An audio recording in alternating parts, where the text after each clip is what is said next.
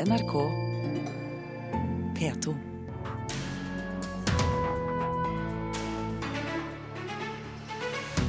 Kulturministeren jobber mot kulturlivet og ikke for, sier Arbeiderpartiet. Svertekampanje mener Høyre, som møter dem til debatt. En av to unge filtrerer vekk reklamen fra nettstedene de bruker. Og det er dårlig nytt for norske mediehus, som finansieres av annonsene. Og hele landet har fått sine kulturhus, men den samiske kulturen er glemt, mener teatersjef, som vil ha nytt samisk nasjonalteater. Og nå hører du på Kulturnytt her i Nyhetsmorgen, og mitt navn er Stine Traalt. Kulturministeren og Høyres kulturpolitikk har fått hard medfart den siste tida. Flere kulturkommentatorer har sagt at kulturminister Toril Vidvei blir den som må gå hvis Høyre bestemmer seg for å gjøre endringer i regjeringen etter det skuffende lokalvalget. Og en av dem som har kritisert eh, kulturpolitikken og ministeren, det er du, Anette Trettebergstuen. Du er eh, familie- og kulturpolitisk talskvinne for Arbeiderpartiet.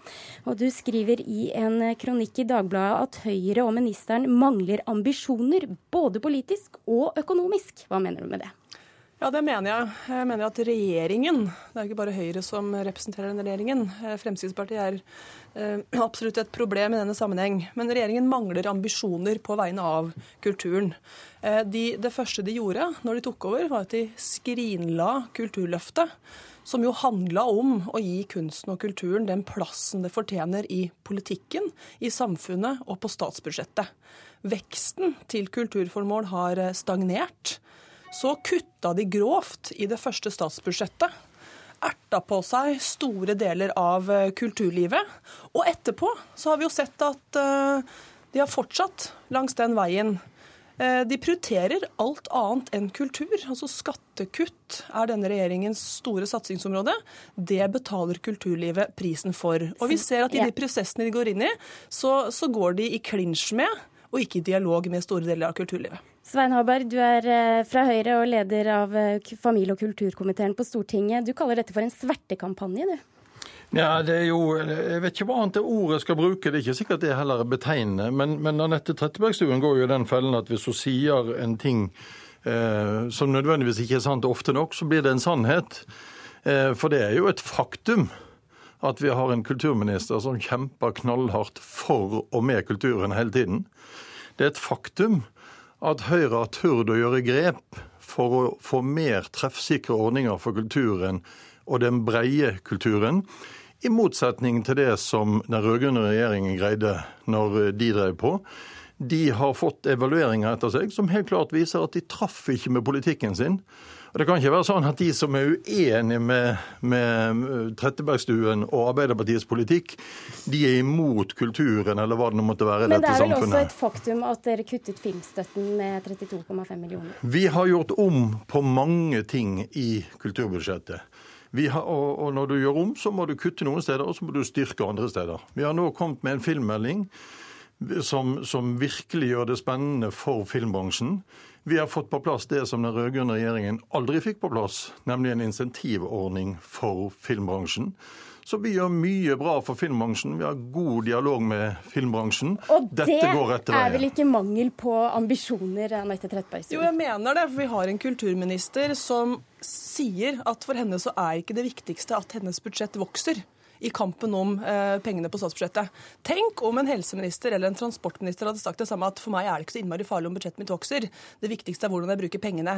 Det handler også, som, eh, som, det handler om for en transportminister som skal bygge vei og bygge bane, og en helseminister som skal eh, bygge sykehjemsplasser og, og sykehusbygg, så handler også kulturfeltet om at man må bruke penger skal man oppnå målet om et yrende og mangfoldig kulturliv, kulturliv over hele landet. Er ikke kulturministeren med på å kjempe kampen om pengene i budsjettet i forhandlingene? Hun har jo tapt hvert eneste år. Ja, det skal, det skal jeg si deg at Hun er knalltøff i forhandlingene, og hun flagger eh, kulturpolitikken inn i budsjettforhandlingene. Og det er en realvekst. Det har aldri vært brukt så mye penger på kultur som det er nå. Så det er klart at når den rød-grønne regjeringen samlet sammen ting fra bl.a. sju andre departement innunder kultur for å oppnå denne prosenten som liksom er det eneste saliggjørende, noe jeg aldri har sett dokumentasjon på, eh, så ble det et voldsomt løft. Og så kan ikke det bare fortsette å løfte og løfte. Nei, vi har en realvekst, og så målretter vi pengene på en helt annen måte. Og vi får andre penger til å supplere de pengene som kommer fra Kulturløftet handler om at vi skulle bruke 1% en skarve prosent til kulturformål. Vi bruker altså 99% på andre ting. Det skulle bare mangle at ikke også kulturlivet fikk sin del av veksten. Denne regjeringen bruker 135 milliarder mer over statsbudsjettet totalt nå enn da de tok over. Alt annet får mer, skattekutt får mest, men veksten på kulturområdet har stagnert. Da vi gikk av i 2014, 2013, så brukte vi 1% til kulturformål. Nå er den andelen stadig synkende. Det er ikke å prioritere kunst og kultur. Man prioriterer alt annet, skattekutt mest, og det får også kulturlivet eh, lide av. I tillegg så ser vi denne uverdige dansen i Stortinget hvert eneste år, der eh, kulturministeren taper i budsjettkonferansene, presenterer grove kutt som erter på seg eh, kulturlivet, som mobiliserer folk, eh, og som Venstre og KrF til dels kjemper inn igjen. Men på sikt, og, og, hvert eneste år, så ser vi altså at kulturfeltet eh, på tiltak etter tiltak svekkes og det kuttes. Og da hjelper det ikke med en filmmelding som er eh, full av eh, gode ord og, og hårete ambisjoner, når den ikke er konkret og, og det ikke er midler til å følge opp. Men denne eh, kulturpolitikken den handler jo ikke bare om bevilgninger og eh, økonomien oppi det hele. Konkret så er det vel en ideologi her som ligger til bunn, og som skiller både Høyre og Arbeiderpartiets kulturpolitikk? Ja, det er helt riktig. Og derfor har ikke vi dette For det første så har vi aldri funnet ut hvorfor akkurat 1% er det korrekte, uansett hvor stort statsbudsjettet er. Uansett hvordan det vokser med kostnader på et eller annet område, så skal det være 1% Det andre er at det som den rød-grønne regjeringen gjorde med disse pengene, det har jo vist seg. Det ga ikke økt inntekt til kunstnerne. Det ga ikke økt produksjon, det ga ikke økt kulturbruk. Slutt, og da må vi altså se på litt andre måter å innrette ja, kulturpolitikken på. Bare få bryte dere av før vi avslutter her. Sitter Vidvei trygt, sånn som du ser det, Svein Harberg? Ja, jeg har ikke sett noen tegn til noe andre. Det er Erna som bestemmer det. Jeg tror ikke det løser seg ved å bytte ut en minister, for det er eh, problemet er at regjeringen, Høyre og Fremskrittspartiet, overhodet ikke prioriterer kulturfeltet. Takk skal dere ha, Svein Harberg fra Høyre og eh, Anette Trettebergstuen fra Arbeiderpartiet. Kulturkommentator her i NRK, Agnes eh, Moxnes. Eh, hva tenker du om det som vi hører her? Jeg tenker det er riktig som, det, som Anette Trettebergstuen sier, at uh, kulturministeren kom litt sånn dårlig ut uh, da hun presenterte budsjettet sitt, sitt første budsjett, og kuttet i stipendier og film. Som gjorde at hun fikk uh, store deler av kunst- og kulturlivet mot seg. Og så tror jeg det handler litt altså denne kampen som man ser nå, jeg ser bare i dagens aviser, så står det veldig mange oppslag om Toril Vidvei. Og jeg tror det handler litt om at hun fremstår som litt vel eplekjekk innimellom, hvis man kan bruke et sånt uttrykk. Og så viser det seg litt ofte at hun ikke har dybdeinnsikt i kulturlivet. Og i forhold til det så tror, vil jeg si at kunst og kulturlivet er særdeles lite tolerante. Så de nok, det ligger nok en motstand der mot, uh, mot uh, Toril Vidvei. Og det er nok liksom i det havet der uh, Anette Trettebergstuen og Arbeiderpartiet nå rører. Men mangler hun politiske og økonomiske ambisjoner på vegne av kulturlivet? Nei, hun gjør ikke det, men hun tenker annerledes. Og det, det, er jo helt som Svein Harberg sier, at det viktigste redskapet for denne kulturministeren har vært den evalueringsrapporten som den rød-grønne regjeringen selv utarbeidet om kulturfeltet, som ble gjort av tidligere kulturminister Anne Enger. Der har de gått inn og, og hatt det som et utgangspunkt for, for, sin kulturpolitikk. Men det er klart at det som blir lagt mest merke til, det er vel den biten at eh, den, altså den ideologiske forskjellen. Eh, at eh, kulturministeren er opptatt av at kulturlivet skal liksom klare å å ta ut sitt forretningsmessige potensial.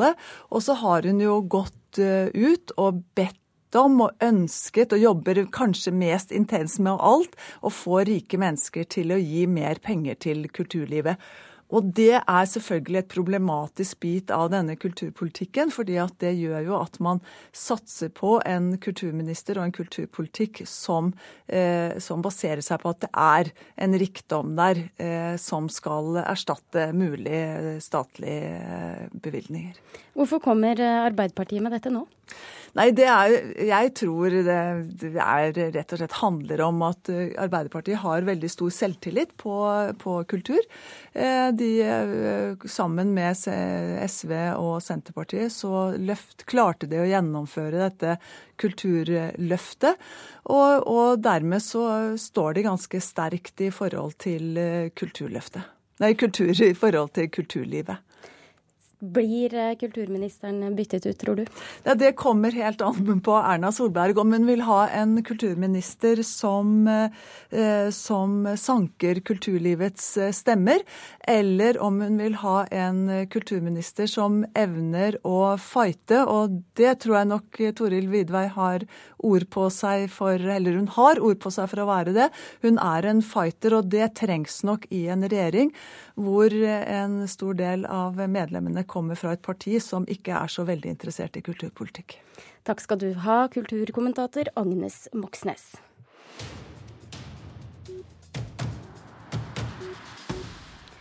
Kunstner Hariton Pushwagner er mer populær enn noensinne. Siden hans egen jubileumsutstilling åpnet i mai, har han solgt kunst for over 27 millioner kroner. Det skriver Dagens Næringsliv. Kunstneren markerte 75-årsjubileet sitt med sju større separatutstillinger i Norge i år. Er det én ting dagens unge ikke trenger hjelp til, så er det å få mer tilgang til teknologi, sier professor Svein Sjøberg til avisen Klassekampen. Han kaster seg nå ut i debatten om den økende teknologibruken i skolen, og mener elevene blir presset av politikere og pedagoger til å bruke mer teknologi i undervisningen enn de har godt av. IT-giganten Apple planlegger å produsere en høyteknologisk elbil som skal være på veien i løpet av 2019. Det skriver Wall Street Journal. Ingenting er bekreftet fra Apple, men ifølge avisen så har bilprosjektet fått kodenavnet Titan. Og vi skal holde oss til Apple her i Kulturnytt. Mer enn halvparten av Apple-brukerne under 25 år har kastet eh, ned appene, eller lastet ned appene som fjerner reklame fra nettstedene på mobilen. Det viser en fersk medieundersøkelse. Og nå leter norske mediehus etter løsninger som skal gjøre det vanskeligere å annonsere. Det er faktisk forskjell på hva du får for 299 kroner og 299 kroner. Se vårt leasingtilbud til kun 1498 per måned. Så det du sier at du er bedre og raskere 4G enn meg? Mm -hmm. Tror du det er derfor jeg ikke får meg dame? Om 15, 20 eller 35 sekunder kan du se klippet som du egentlig er interessert i, men først må du se reklamen. Det er den som finansierer journalistikken. Nå viser en fersk medieundersøkelse at mer enn halvparten av nettbrukerne under 25 år filtrerer bort reklamen. Det er en tendens som bekymrer blant andre innovasjonsdirektør Pål Nedergotten i A-media.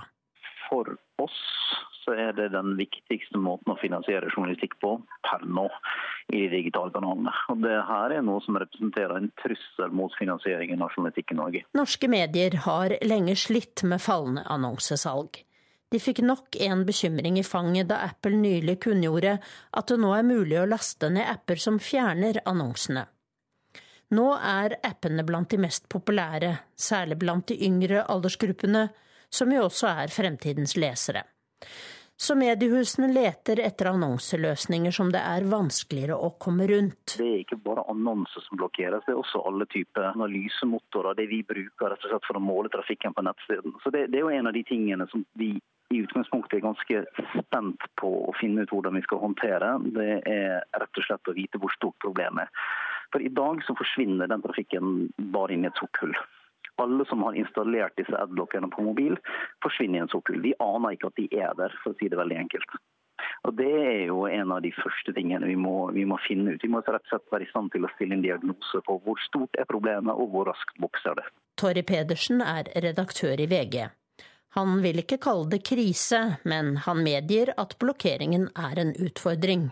Eh, det er jo slik at Mediene er avhengig av inntekter, og annonseinntekter er én av medienes inntektsstrømmer.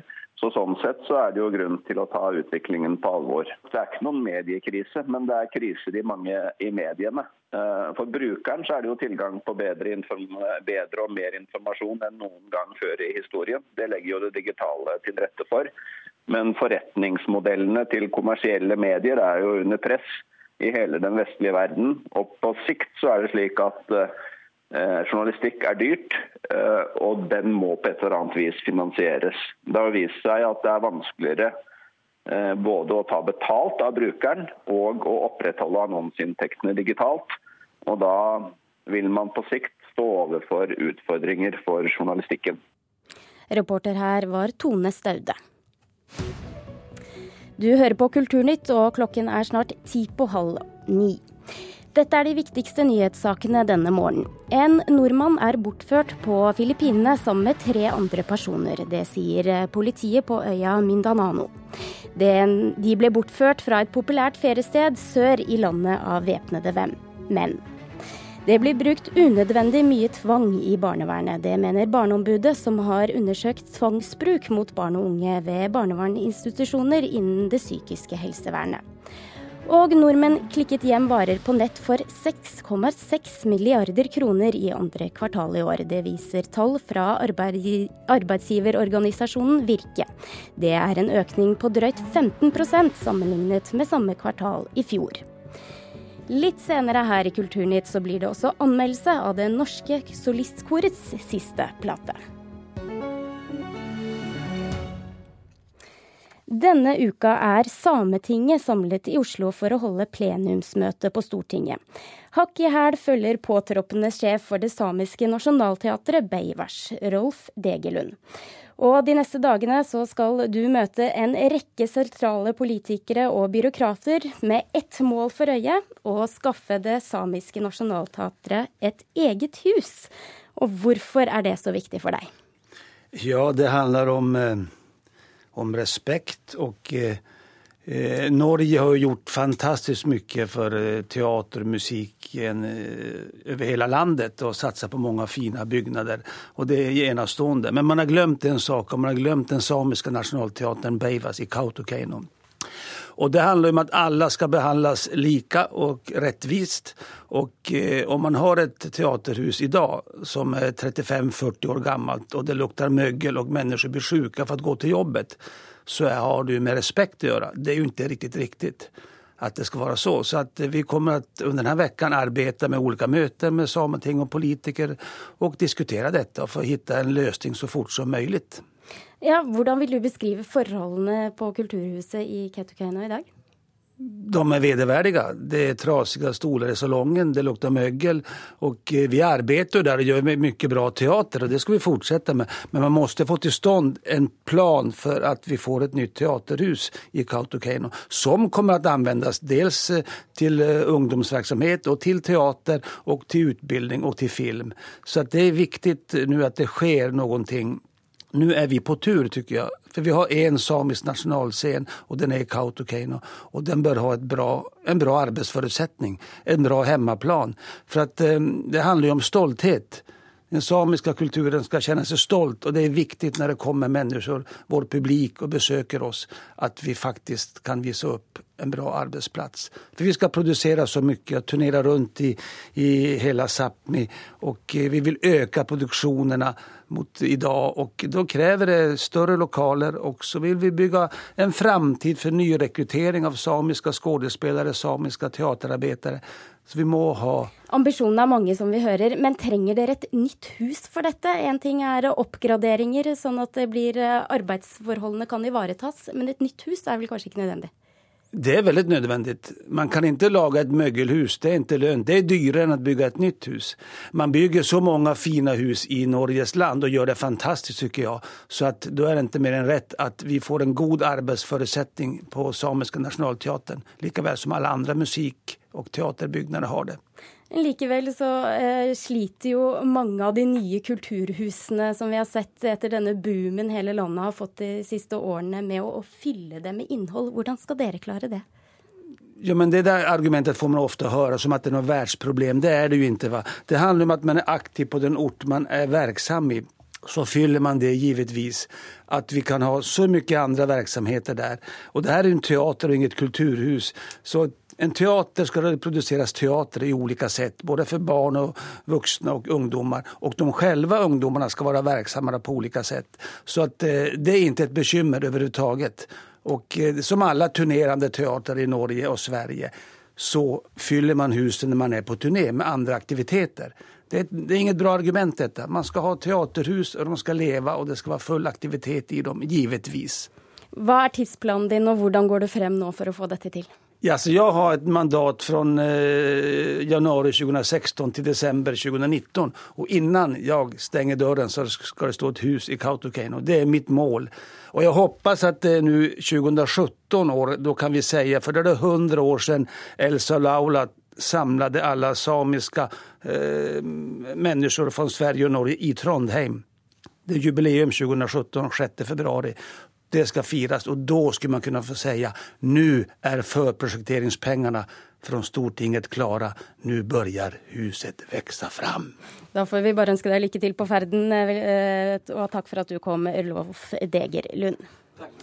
Og denne sendingen den eh, nærmer seg slutten. Du får flere kulturnyheter på nrk.no kultur. Ansvarlig for sendingen var Vidar Sem, og det tekniske ansvaret hadde Hanne Lunås.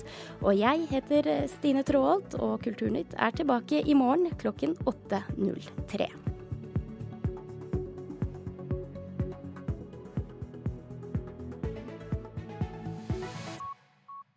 Hør flere podkaster på nrk.no podkast.